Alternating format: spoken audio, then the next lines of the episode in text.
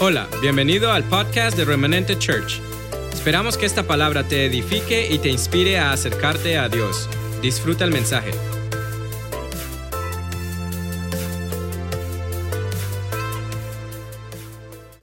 Esta predicación se llama Despierta. Hay algunos pasajes que la Biblia refiere sobre despierta. Uno de ellos es el pasaje que voy a hablarles en este momento, que nos habla de despertar. Y creo que es un buen momento para hacerlo. Y va a entender por qué eh, la palabra en esta mañana. Padre, te pido que toques sus corazones, sus vidas, las vidas de tus hijos. Y te pido que le hables como me hablaste para tomar esta palabra. Te doy gracias en tu nombre. Amén. Ageo 1.14, por favor. Ageo 1.14. Dice la palabra, y despertó el Eterno el espíritu de Zorobabel, hijo de Salatiel, gobernador de Judá, y el espíritu de Josué, hijo de Josadac, sumo sacerdote, y el espíritu, diga conmigo, y el espíritu de todo el resto del pueblo, y vinieron y trabajaron en la casa de Jehová de los ejércitos, su Dios. Diga, despertó. El contexto de este texto, ya hace unos años atrás, cuando en un reinado de un hombre llamado Manasés, no el hijo de José, sino Manasés, un rey que reinó en Judá 55 años e hizo lo perverso delante de Dios. Dice la palabra de este rey que fue un rey brujo, un rey agorero, fue un rey eh, que quemaba a sus hijos en fuego para ofrecerlo a su Dios. Por esa causa, Dios determinó traer un juicio sobre Israel o sobre el reino del norte y del sur, porque para ese momento el reino estaba dividido pero especialmente sobre Judá, que fue llevado cautivo por Nabucodonosor a Babilonia, fue fruto del pecado de este rey. Diga, el pecado trae consecuencias. Ahora esas consecuencias, gracias a Dios hoy, fueron llevadas a quién? A Cristo, fueron llevadas a la cruz. El Dice la Biblia, con todo Dios quiso quebrantarlo, hablando de la experiencia que Jesús sufrió en la cruz por todo pecado. Pero para este momento, para este momento de cautividad, era muy doloroso porque todos profetizaban prosperidad, pero solo un hombre profetizó lo que vendría y ese fue Jeremías. Llevado cautivo, este pueblo duró 70 años cautivo en Babilonia y tuvo que ver pasar a los babilonios, a los medos persas, a los persas, hasta que a través de un mandato llamado, a través de Ciro el Grande, ah, hubo un mandato que se dio para que, y fue Dios quien utilizó este Ciro, para que Israel pudiera ser reconstruido. 43.260 personas más o menos salieron para nuevamente reconstruir a Jerusalén a Israel. Cuando llegaron allí empezaron un proceso de reconstrucción. Arrancaron muy animados, pero al pasar de los días empezó a suceder cosas que no se esperaban. Y en el libro de Ageo está, donde Dios le dice esto, escúchelo. Quiero que medites en tus caminos, porque este pueblo dice que no ha llegado el tiempo para reedificar la casa. Eso decía el pueblo, que no era el tiempo para reedificar la casa. Entonces el Señor les da un contexto de lo que esa palabra ah, traía a ellos. Y dice el versículo, Ageo 1, versículo 4. Entonces dice Dios, o sea que es tiempo para vosotros habitar en vuestras casas artesonadas y esta casa está desierta, porque para mi casa no hay tiempo, pero para tu casa lo hay, pero para la mía no, dice Dios. Y les lee un, un contexto de lo que está pasando y le dice, siembran mucho, recogen poco, comen y no se sacian, beben y no quedan satisfechos, se visten y no se calientan, y el que trabaja jornal recibe su jornal en saco roto.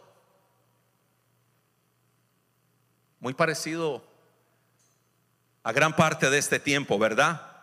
Entonces le dice el Señor, mediten en sus caminos, suban al monte, traigan madera, reedifiquen la casa y pondré en ella mi voluntad y seré glorificado, ha dicho el Señor. ¿Cuál es el problema? Que tú estás buscando mucho, pero hayas poco. Y si ustedes se encierran en su casa artesonada, entonces yo la disipo de un soplo. ¿Por qué me preguntarás? Porque mi casa está desierta y cada uno de vosotros corre a su propia casa. Déjame explicarte. Por eso se detuvo la lluvia y la tierra detuvo el fruto. Y por eso la sequía de la tierra. Y por eso los montes no dan trigo, ni vino, ni aceite. Así que nada da de lo que los hombres producen, ni de lo que las bestias producen, ni de lo que el trabajo de tus manos produce. Así que Dios envía a un profeta anciano llamado Aqueo y les da esta palabra. Él les habla acerca de una actitud, ponga esa palabra por ahí, se llama indiferencia. Lo contrario al amor no es el odio, porque el odio sigue siendo una emoción. Y entre el odio y el amor es muy peligroso, porque hay personas que dicen, uy, lo odio. Y, todo el tiempo lo, lo que estás enamorada de él. Porque entre el amor y el odio hay un solo paso. ¿Ha visto usted que los cautivos, eso lo vimos en Colombia, las personas que estaban bajo ah, prisioneros, eh, secuestrados, se enamoraban del secuestrador? Qué cosa loca. Porque entre el amor y el odio hay una cosa ahí rara. Porque te quiero, te aporrio. No sé cómo se traduzca eso. Pero le voy a decir lo que es contrario al amor, la indiferencia. ¿Qué es contrario al amor? La indiferencia. No existe. Cuando usted deja de nombrar a alguien, esa persona acabó para usted. Entonces Dios empieza a mirar que este pueblo tiene indiferencia para él. Y él les hace un contexto y dice, no es tiempo de reedificar mi casa, no. Mm, y tu casa, a esa sí. Esa está artesonada, está en obra blanca, está hermosa, pero mi casa no. Entonces déjame darte un contexto, dice Dios. Y es que esto es lo que sucede. La tierra no da fruto, los cielos son de bronce tu casa no produce lo que tendría que producir. ¿Por qué? Por tu indiferencia. Y eso es lo que está sucediendo en ese contexto de Ageo, la indiferencia de ese pueblo y lo que lleva. Así que lo que estaba estancando a este pueblo era su indiferencia. Le importaba poco la casa de Dios. La reconstrucción de esa casa, la adoración no importaba porque tenían su casa pero les tocaba trabajar mil veces más por algo que Dios les podía proveer. Y cuando no quiere recibir de la mesa del rey pan fresco, comen migajas.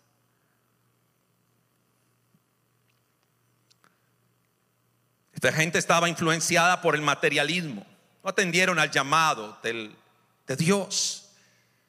Así que lo que busca esta profecía, que es tan solo una hojita, tan solo una hoja. No sé si habló más, imagínate, vivir toda la vida para dar una sola profecía. Pero lo que buscaba esta palabra profética en la vida de ellos, número uno, póngalo ahí en sus notas, era ubicarlos. Número dos, lo que buscaba esta palabra era restaurarlos al nivel de lo que Dios quería en ellos. Y número tres, lo que quería esta palabra era direccionarlos en lo que deberían de hacer. Número uno, ubicarlos. Mira al que está a tu lado y dile, ubícate. Ubícate. Número dos, ¿qué buscaba esta palabra? Restaurarlos. Y número tres, buscaba direccionarlo. Así que una de las cosas que hace la palabra profética es que te ubica en el tiempo que estás viviendo y te deja ver tu condición, pero también te reta en tu potencial. Y todo esto para traer una restauración. Y entonces si hay restauración, la casa va a tener dirección. Pero tienes que ubicarte. Así que era necesario y es necesario que Dios traiga un despertar. Si Dios te despierta, te ubica. Teníamos una fábrica de tortas en Pereira. Ah, bendita fábrica esa. Pero una noche teníamos que entregar, un día tenemos que entregar muchas tortas, como mil. Y los hornos, llena todo, daba como unas 60 tortas. Así que habíamos pasado 24 horas sin dormir haciendo tortas. Y una, más o menos a las 3 de la mañana, yo puse la batida, así se llama. Hice la batida y la metí. Pero tenía mucho sueño. Así que le dije al Señor, dura 45 minutos horneándose en las tortas y tenía mucho sueño. Así que puse unos cartones en el piso ahí en la fábrica y me dormí. Pero antes de dormirme le dije, Señor, 45 minutos, despiértame. ¿Qué cree que pasó? No sea incrédulo, muchacho. Le voy a decir qué pasó. En el sueño que tuve, vino Jesús y me dijo, despierta qué susto tan tremendo, para no decir otra palabra. Me, me paré, porque cuando Dios te despierta, te ubica, y miré la hora y habían pasado exactamente 45 minutos. ¿Qué es lo que Dios quiere con un despertar? Dios quiere ubicarte porque quiere restaurarte y quiere direccionarte. Pero para eso debes despertar a la palabra estaban dormidos en una palabra pasada, en una... Nuestro apóstol nos enseñaba sobre lo que es la verdad pasada, porque hay un texto que habla de una verdad presente. Entonces ellos decían, por mucho tiempo no vieron reconstruirse el templo ni la adoración, así que se les acostumbró decir, todavía no es el tiempo. Otra vez, ¿qué decían? Todavía, todavía no es el tiempo. Sin embargo, cuando viene el profeta, los alinea con qué? Con la palabra y le dice, hey, mira el que está a tu lado, dile, despierta, es el tiempo, es el momento.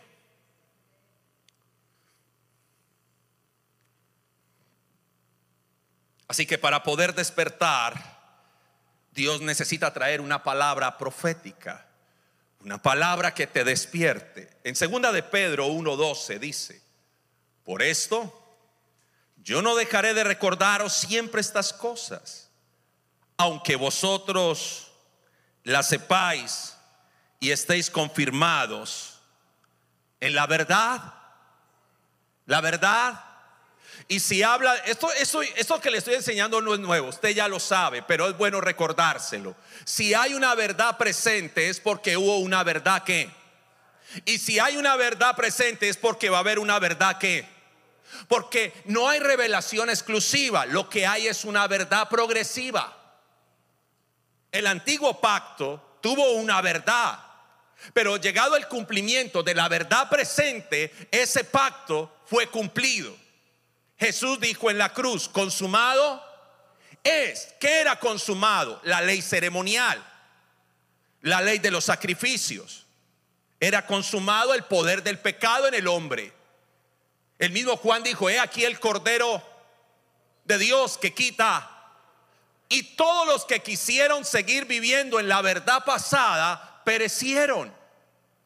Todos los que tuvieron una verdad pasada, la del desierto, y quisieron dogma o teología del desierto, murieron en dónde?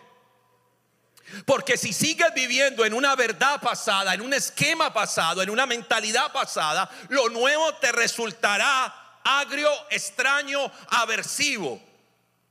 Pero es lo que Dios está trayendo.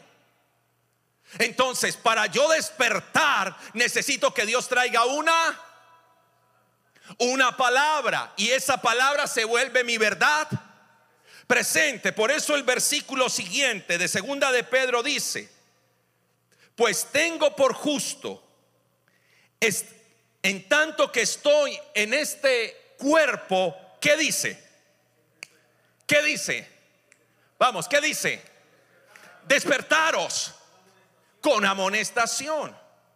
Porque él estaba preocupado de que se les olvide vivir la verdad presente. Porque cada vez que dejas de vivir la verdad presente, vas a vivir el esquema pasado, la verdad pasada, que tienen cierta reputación de que te sirvió, pero ya no sirve.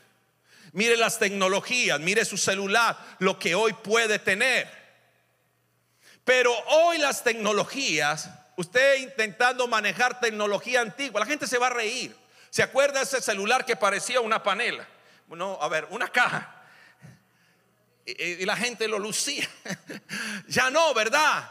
Hey, despierta porque hay una verdad presente.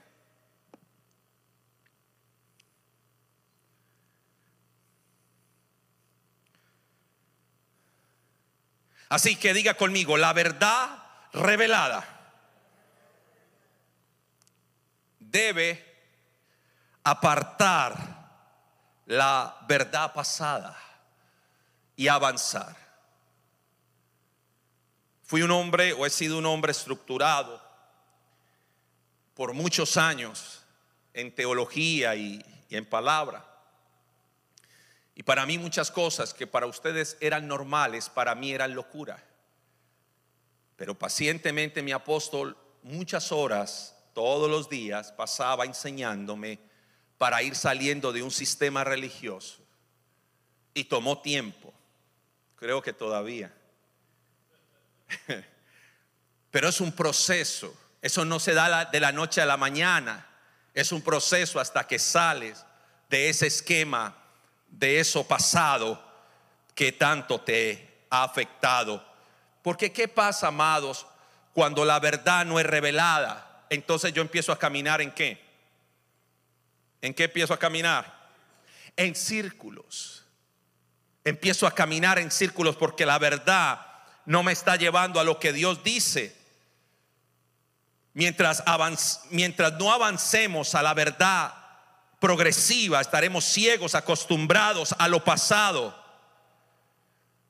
La Biblia dice que Dios nos lleva de gloria. Muéstrame eso en tu vida. Otra vez, la Biblia dice que Dios nos lleva de qué? Mira que está a su lado y dile, muéstrame eso. Segunda de Corintios 3, 18 dice, por tanto, nosotros todos, mirando a cara descubierta, como en un espejo la gloria del Señor, somos transformados de gloria en la misma imagen por el Espíritu de quién. Diga, de gloria. Y eso habla de una, una gloria, pero que te está llevando a qué. Dígalo. A otra gloria. Ayer, mientras compartíamos con unos varones de aquí de la casa, eh, hablábamos acerca de los carros. Y yo me reía de uno de ellos porque se montó en mi carro y quedó como los increíbles, ¿te acuerdas? Ese señor monito que se metió en un carrito ahí. Yo le decía, así te ves en mi carro. Decía, la verdad es que cuando uno ya se enseña la troca, a la, no, meterse en un carro no, no, chiquito, no, ya no gusta, es eso. Pero yo no lo siento así, porque cada vez que yo me monto en mi carro, yo me siento bien. Pero supongo que cuando mañana me compre mi truck y me, Dígame, diga algo. Entonces cuando ya compré mi carro así de grande me sentiré chiquito en el otro. Por el momento me siento gigante. Es lo mismo con los miedos. Cuando era niño había que pasar ese valle inhóspito de la sala de mi casa donde habían demonios, duendes y todo para ir al baño. Orinaba y había que volver. Pero cuando ya usted crece y vuelve a la casa de donde sale, usted dice, qué cosa tan chiquita. Usted la veía larguísima. Amados, cuando usted conquista una gloria mayor, usted ya no quiere volver a la menor. Diga, la menor no. Usted quiere esa gloria y cuando está en esa gloria, Dios te lleva, dígalo. Vamos, vamos, dígalo. A otra gloria. Porque eso es lo que Dios quiere para ti. En la medida que esa gloria va creciendo, van desapareciendo sus sombras. La Biblia dice en Proverbios 4, 18, mas la senda de los justos es como la luz de la aurora, que va en aumento hasta que el día es. Y cuando el día es perfecto, haga la prueba, 12 del día, usted se para, no tiene sombra.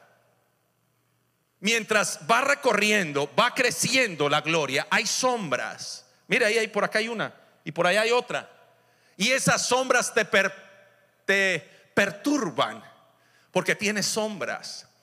Pero usted va en una gloria progresiva, diga gloria progresiva.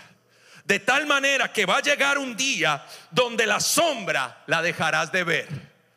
Así que ya no te amenazará más tu pasado.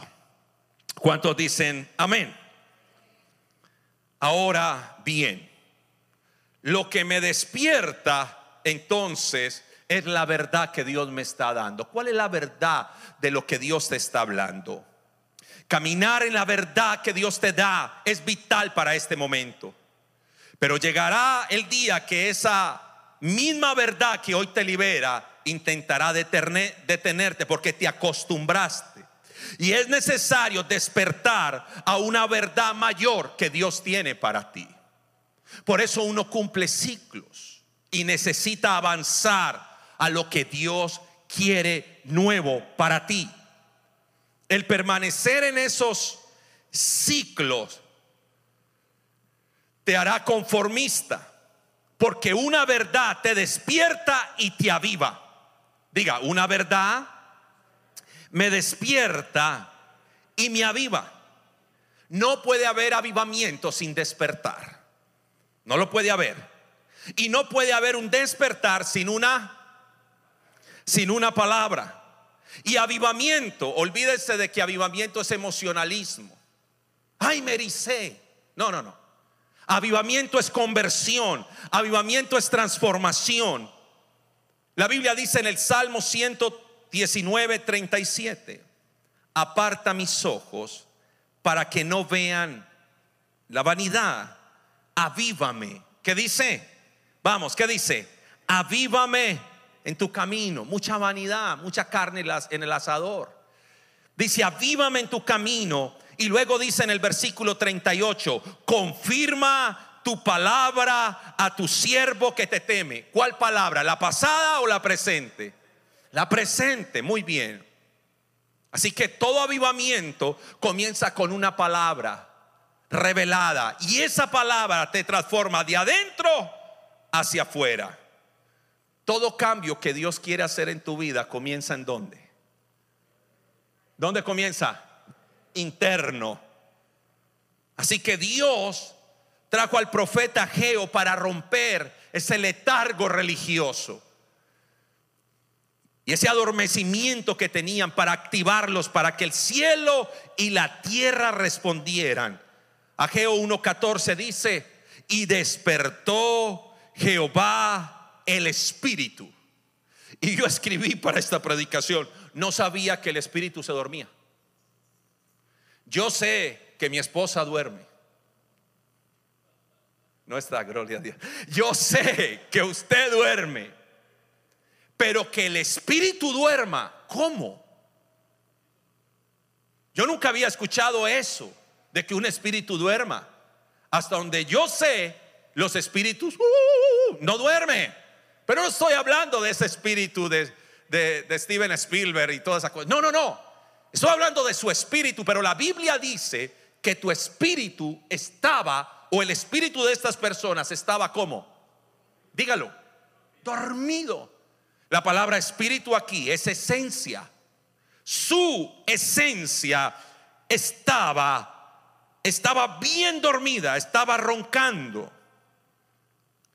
Así que este despertar, la palabra despertar traduce ur, diga ur, traduce despertar. Y despertar tiene tres palabras, despertar, levantar, iniciar. Dígalo, despertar, levantar, iniciar. Así que Dios dice, es tiempo de que mi pueblo se levante. Y es tiempo de pasar de una condición a otra. Levántate tú que duermes de entre los muertos y te alumbrará Cristo. Levantar tiene que ver con visión. Te doy un ejemplo, Juan 4:35. ¿No decís vosotros, aún falta cuatro meses para que llegue la ciega?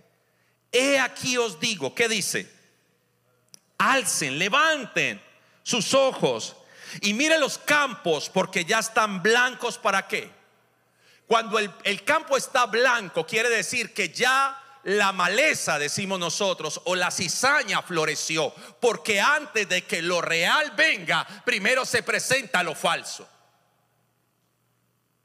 Cuando la Biblia dice que los campos están blancos, el trigo nunca es blanco, el trigo es amarillo.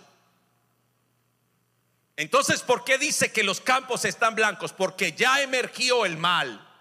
Pero dice la palabra que donde abundó el pecado, sobreabundará la gracia. Entonces cuando el campo está blanco y ellos ya saben que pueden arrancar la cizaña para recoger el trigo. Mira el mundo como está hoy. Míralo, cómo está. Políticamente cómo está. Socialmente cómo está. Moralmente cómo está. Económicamente cómo está. El mundo habla más del fin del mundo que la iglesia. Todos los días yo estoy inscrito a CNN, El Tiempo, El Espectador, periódicos de mi país y de acá también. Y todos hablan del fin del mundo. Y cuando yo veo eso, yo veo el campo blanco. Pero después de ese campo blanco, se levantará un trigo. Se germinará un trigo. Y estoy hablando de usted. Estoy hablando de un despertar. Estoy hablando de un avivar. Usted dice, no, todavía no es el tiempo. Eh, ¿cuándo le vas a servir al Señor? Lo que pasa es que de pronto en enero, pero enero ese, ese invierno, yo creo que por ahí febrero, marzo, abril, de pronto mayo, junio, julio, antes de salir de ahí del invierno, de pronto yo me comprometo y miro hacia la casa de, miro hacia el servicio, pero de pronto, pastor, por ahí ya le comprometo julio, agosto, julio, agosto, pero me acordé que viene septiembre. De pronto en octubre le echamos. Oh, si en octubre sí. Ah, pero pero viene noviembre. Y así se ha ido esta casa. De año en año. Y tenemos versos colombianos para eso, pero no puedo decirlos. De año en año jugándosela a Dios para ser decente. De año en año sacando la excusa para levantar esta casa. Porque no es el tiempo. Entonces, ¿cuándo es el tiempo?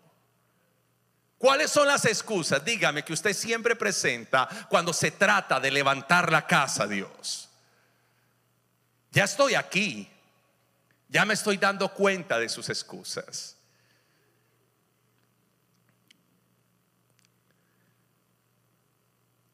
Una de las características que mueve lo profético es que te mueve a tener visión.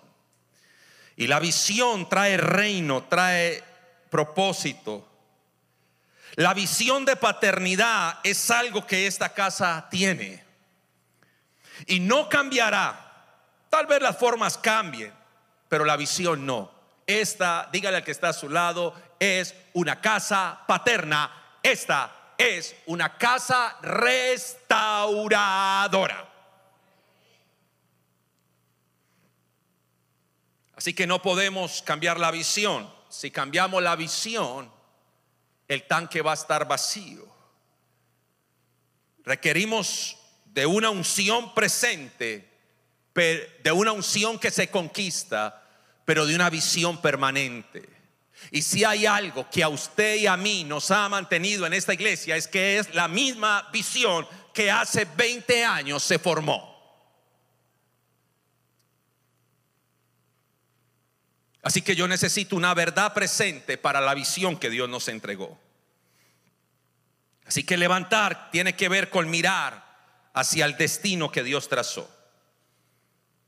Y la otra palabra que habla de despertar, habla de iniciar algo.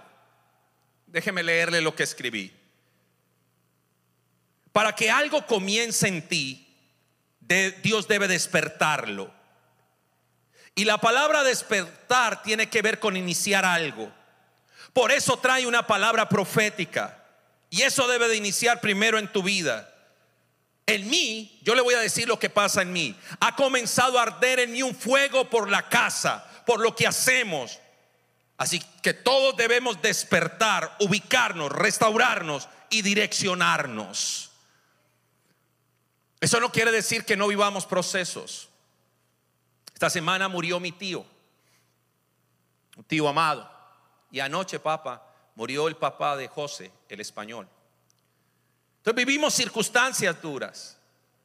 Y mientras lamentaba la muerte de mi tío, no poder ir, llegó el papel de migración donde nos citan a colocar ya las huellas. Aleluya.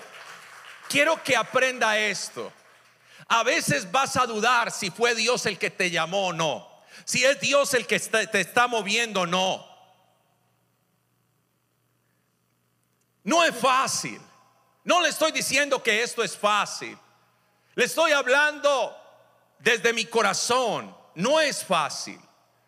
Pero cuando tienes una pasión por algo, Dios ubica todo para que camines en ello. ¿Cómo puedes explicar que el abogado entrega mis papeles el 28, nuestros papeles el 28 del mes pasado, y ya me están llamando a colocar huellas. Nuestro apóstol me decía, mi hijo, no, no sé, tal vez es tu, no, no sé, es, es algo impresionante. Por eso necesito que usted despierte, se levante, inicie lo que Dios le ha dicho, no retarde más revuelque al que está a su lado y dígale, no retardes más la palabra. No me digas en tres meses. No me digas en cuatro meses, no, es el momento. No me digas, pastor, cuente conmigo el próximo año. No, señores, yo vengo de parte de Dios. No sería tan viejito como Ageo pero la edad que tengo me es suficiente para decirle hoy de parte del Señor, despierte su espíritu, su esencia. La palabra profetizada sobre esta casa por años debe despertar. No estamos trayendo una nueva visión, no se puede. La visión es una, esta casa tiene una esencia de paternidad y sobre eso se sustentará y caminará. No hay más. Estrategias como dice papá, la que le sirva. Pero de ahí la visión, lo que Dios te entregó, tiene que despertar. O así lo, lo creo. Filipenses 1.6 dice, estando persuadido de esto, que el que comenzó la buena obra, la perfeccionará hasta el día de Jesucristo. Así que inicie. Dios está perfeccionándote. Lo segundo del despertar, le dije que la palabra producía tres cosas. Te ubica, te restaura y te direcciona. Así que la palabra despertar tiene como fin restaurarte. La restauración en la Biblia siempre comenzará de adentro hacia afuera. Usted quiere, mire, escuche esto. Hay tres cosas en cuanto a un cambio. Lo primero son la meta. Usted tiene una meta. Usted dice, voy este año a adelgazar. Lo segundo es el proceso. Y lo tercero es la mentalidad. Debería de ser la mentalidad lo primero. El cambio debe darse ¿dónde? Interno, luego hacer el proceso y tener la qué. Pero nosotros estamos llenos de metas, pero nuestra mentalidad sigue siendo pasada. Si usted realmente quiere cambiar, debe de iniciar ¿dónde? En la meta, en el proceso. No, vamos, ¿en dónde? En la identidad, ya adentro, usted hace el cambio y ahora sí, señores, que comience la faena. Pero ponemos metas. Una vez escuché a nuestro apóstol decir, voy a aprender inglés, voy a ahorrar y voy a adelgazar, termina el año. No voy a repetir el resto. Amados, Dios quiere restaurarte. Dios dice, vas a despertar. Ese despertar te va a ubicar. A través de una palabra te ubica. Pero lo segundo es que Dios te restaura. La restauración es plan y diseño de Dios.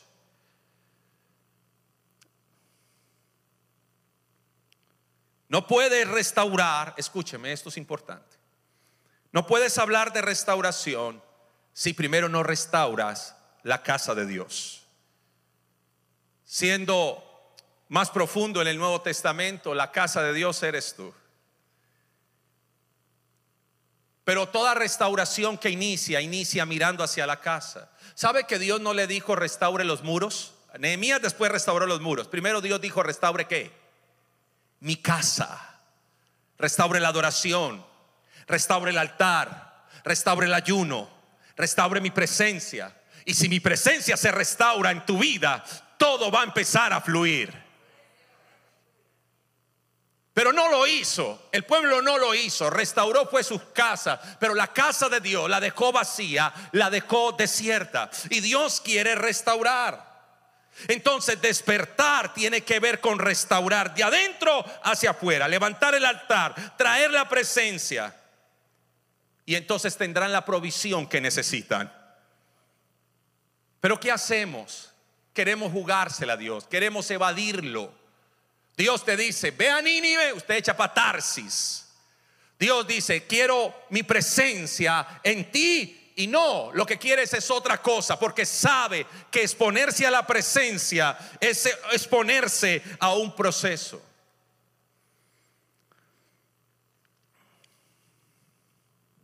Recuerda cuando el Señor le mostró el sueño a José de que las once espigas se le, le rendían. Después de que él contó el sueño, imagínese ese sueño, él fue metido en una cisterna. ¿Qué tiene que ver la cisterna, hijo, con el sueño? Nada. Para uno nada, para Dios todo. Porque era necesario procesarlo para el sueño que le entregó. Entonces Dios dijo, voy a iniciar un proceso en él le voy a mostrar el sueño. Y le muestra la visión. Pero la visión no omite proceso. Así que uno tiene el sueño. Dios dice, irás a las naciones. Aleluya. Usted se imagina tiquetes por todo lado. Pero antes de hacer eso, te procesa. No se habla de desierto, se habla de proceso. Y cuando Dios entra a procesar a José, su proceso tardó 12 años. Pregunta de hamburguesa de, del corral, digo yo. ¿Cuánto tiempo reinó José en Egipto? ¿Cuánto tiempo reinó José en Egipto? Su proceso duró 12 años, comenzó a los 18 hasta los 30. ¿Cuántos años reinó José en Egipto o fue gobernador? ¿Qué es eso?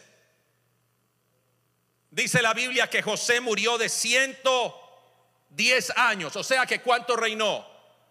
Si llegó al trono o al gobierno a los 30 y murió a los 110, ¿cuánto reinó? 80. Eh, ah, Entonces, 12 años de proceso para 80 de gobierno. ¿Cuántos quieren eso? 12 años de proceso, pero te entrega 80 de gobierno. O contrario, 80 de proceso y 12 de gobierno. ¿Cuántos dicen amén? Ah, ay, si no le gustó. Ok, entonces bienvenido el proceso de mi rey. Diga bienvenido. Vamos, vamos, dígalo, bienvenido mi Señor. ¿Qué te mostró Dios? Pastor, quería las naciones. Ok, bienvenido el proceso. Llevo 17 años siendo pastor. ¿Cuántos procesos, papá? ¿Cuánto llevas? ¿Cuántos procesos, papá?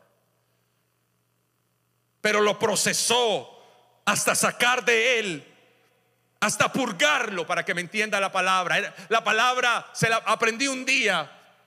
Por eso elaboré este sermón. Un día aprendí de una predicación que, la, que Dios te purga. Y la palabra es ranei, te purga. ¿A cuánto les gusta aquí los purgantes? A mí no. te purga, Dios te purga y te poda. ¿Y por qué Dios te purga y te poda? Porque hay una gloria mayor. Pero es necesario que Dios te restaure. Ahora no hablemos de Israel, hablemos un momento de David en los minutos que me quedan. David fue restaurado, ¿sí o no? David escribe en el Salmo 32 hablando de su restauración. Dice, bienaventurado aquel cuya transgresión. Salmo 32. Me salté Juan 15. Salmo 32 dice, bienaventurado aquel cuya transgresión ha sido perdonada y cubierto su pecado. Bienaventurado el hombre a quien el Señor no culpa de iniquidad y en cuyo espíritu no hay engaño.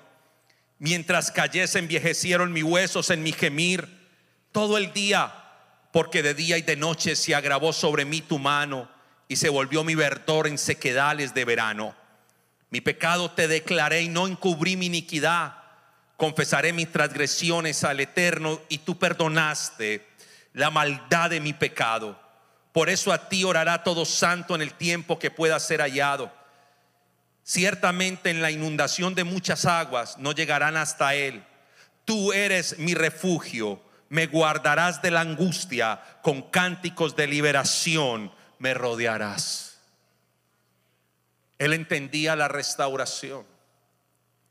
La Biblia habla del problema de David tenía un problema moral, tenía un problema en su área sexual, pero lo que tenía de problema era un rechazo a nivel emocional. Por eso él relacionaba afecto y sexo. Muchas personas refieren afecto, sexo. Y este era un problema de rechazo emocional porque recuerde lo que dice el Salmo 51, versículo 5. He aquí en maldad he sido formado y en pecado me concibió mi madre. No sé quién, realmente no sé qué pasó. He buscado esto para esta predicación. Algunos dicen que Isaí no era su padre. Otros dicen que su padre una noche que iba a dormir con una concubina terminó durmiendo con, su con la mamá de David y no le quiso creer. Cualquiera sea el hecho, hay un rechazo porque cuando el profeta Samuel viene a ungir por rey al nuevo rey de Israel, a él no lo nombran dentro de los hijos. Y tiene que ser Samuel el que pregunta. Hay otro, ay, sí, hay uno por allá en el campo. Y a ese escogió Dios. Pero él tiene que, David hace una analogía, una descripción, perdón, no analogía, descripción de su pecado. Y mientras escribe el salmo, el Salmo 32 y escribe el Salmo 51, él dice, ¿por qué tiene problema en el área sexual? Y él dice, tengo un problema en el área sexual porque tengo un problema en el área emocional. Y el problema emocional, y le voy a decir algo, muchos de los hábitos destructivos, muchas de las prácticas que tienen que ver con autoflagelarse, tiene que ver con un rechazo emocional paterno o materno hay una prevalencia de hábitos destructivos en personas con una paternidad o maternidad ausente. Y David se tiene que enfrentar a Dios porque es la misma palabra revelada. Él estaba ciego, él había matado el esposo de Bexabed. Él estaba seguro de que lo que estaba haciendo lo había hecho bien. Todo le quedó bien hasta que la palabra revelada vino. Y cuando la palabra revelada vino a David, David se dio cuenta de la iniquidad que había cometido. El profeta le dijo, David, un hombre tenía una corderita y vino otro que tenía como cien o mil y se la comió. ¿Qué hay que hacerle? Y él le dijo, mátelo. Y él dijo, ese eres tú. Entonces cuando la palabra revelada viene a David, lo despierta. Y David dice y habla acerca de la iniquidad. Porque la iglesia está acostumbrada, la religión, perdón, está acostumbrada a tratar el pecado. Pero el reino y lo profético está acostumbrado a tratar la iniquidad. Por eso es que nosotros pecamos, oramos y empatamos. ¿Cierto que no? Pero sentimos que no hacemos una, una, una conversión, sino que nos confesamos, Señor, perdóname. Tú sabes, ahí hablamos. Pero vuelves y repites lo mismo como perro al vómito y marrano al fango y repite y repite y repite porque sigues operando en un espíritu de orfandad y el espíritu de orfandad vuelve a la misma al mismo pecado y a la misma iniquidad una y otra vez, una y otra vez. Pero cuando viene la revelación de la palabra, la persona dice, "No más." Dice, no más. Y él mismo lo está diciendo en la palabra. Él dice, no encubrir. Y tú me vas a liberar con cántico. Y si está cantando es porque tuvo una palabra para qué. Dígalo. Para cantarla, para revelarla. Y él empezó a cantar un cántico de liberación.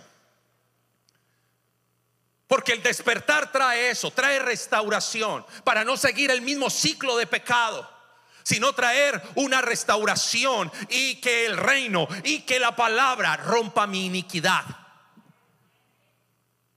Así que dígale al Señor, ubícame, restaurame y direccioname.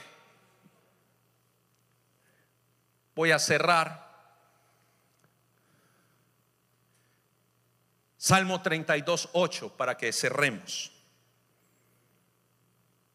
hablando de direccionamiento, después de cánticos de liberación. Salmo 32, versículo 8. Te haré entender y te enseñaré el camino, el camino que debes andar. Dice la palabra, lo repito, te haré entender, Salmo 32, 8 y te enseñaré el camino, está atrás de las notas. Te haré entender y te enseñaré el camino que debes que debes andar. Amados, cuando viene a tu vida un despertar, te ubica. Número dos, te restaura. Y número tres, te direcciona. Déjeme leerle lo que escribí, porque me parece importante no perderlo, máxime cuando es algo que Dios me dice. Dice la Biblia en Ageo 1:14, y despertó Jehová el espíritu de Zorobabel, hijo de Salatiel, gobernador de Judá, el espíritu de Josué, el sacerdote, y el espíritu de todo el resto del pueblo vinieron y trabajaron en la casa de Jehová, el Dios de los ejércitos, su Dios. Dice, vinieron y trabajaron. Hay un direccionamiento directo después de despertar. Y es que todos, el gobernador, el que más, sacerdote y todo el pueblo vinieron y trabajaron. Esto lo escribí con de corazón, lo que le voy a leer. Esta casa en la cual estamos, remanente, ha estado sostenida en la palabra que fue revelada para ella. Pero hay una verdad presente para desarrollar la visión que Dios nos entregó. Muchos de los que están aquí pasan los 10 años en remanente. Muchos de los que están aquí vieron la primera gloria de ella, pero es tiempo de despertar para ver la, la futura gloria de ella, esta casa. Iglesia, hoy vengo de parte de Dios como ajeo a reconvenirte y a decirte, te felicito por tus éxitos, por sus casas muy bonitas donde he ido a comer asado. Pero hay una casa que debe de activarse y es la casa de Dios. Esta casa no puede estar más inactiva. Es tiempo de despertar. Fuiste restaurado para este momento, fuiste llamado para que esta casa sea construida, avivada, posicionada en lo que Dios ha dicho de ella.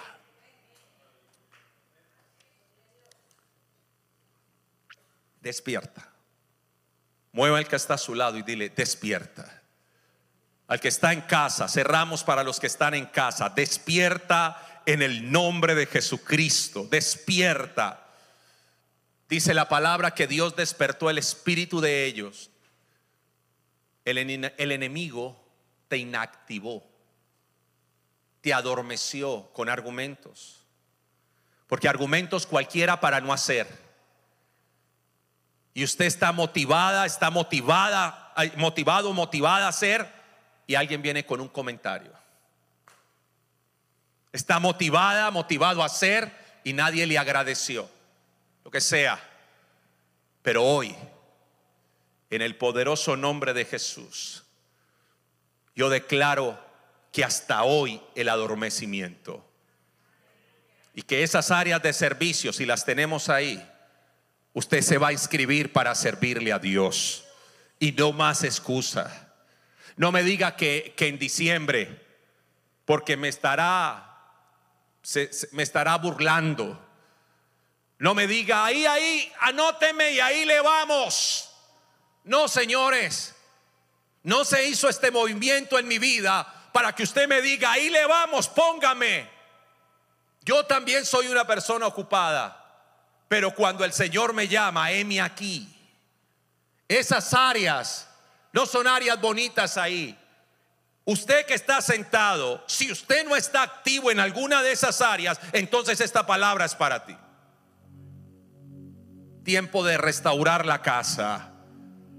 Tiempo de honrar los lomos que nos pastorearon por 20 años.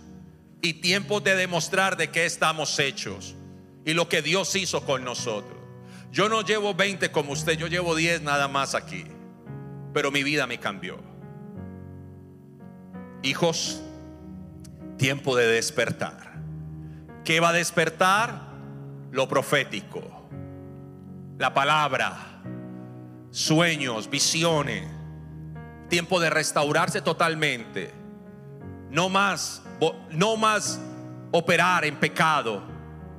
Hay que arrancar la raíz hay que despertar y hay que recibir direccionamiento.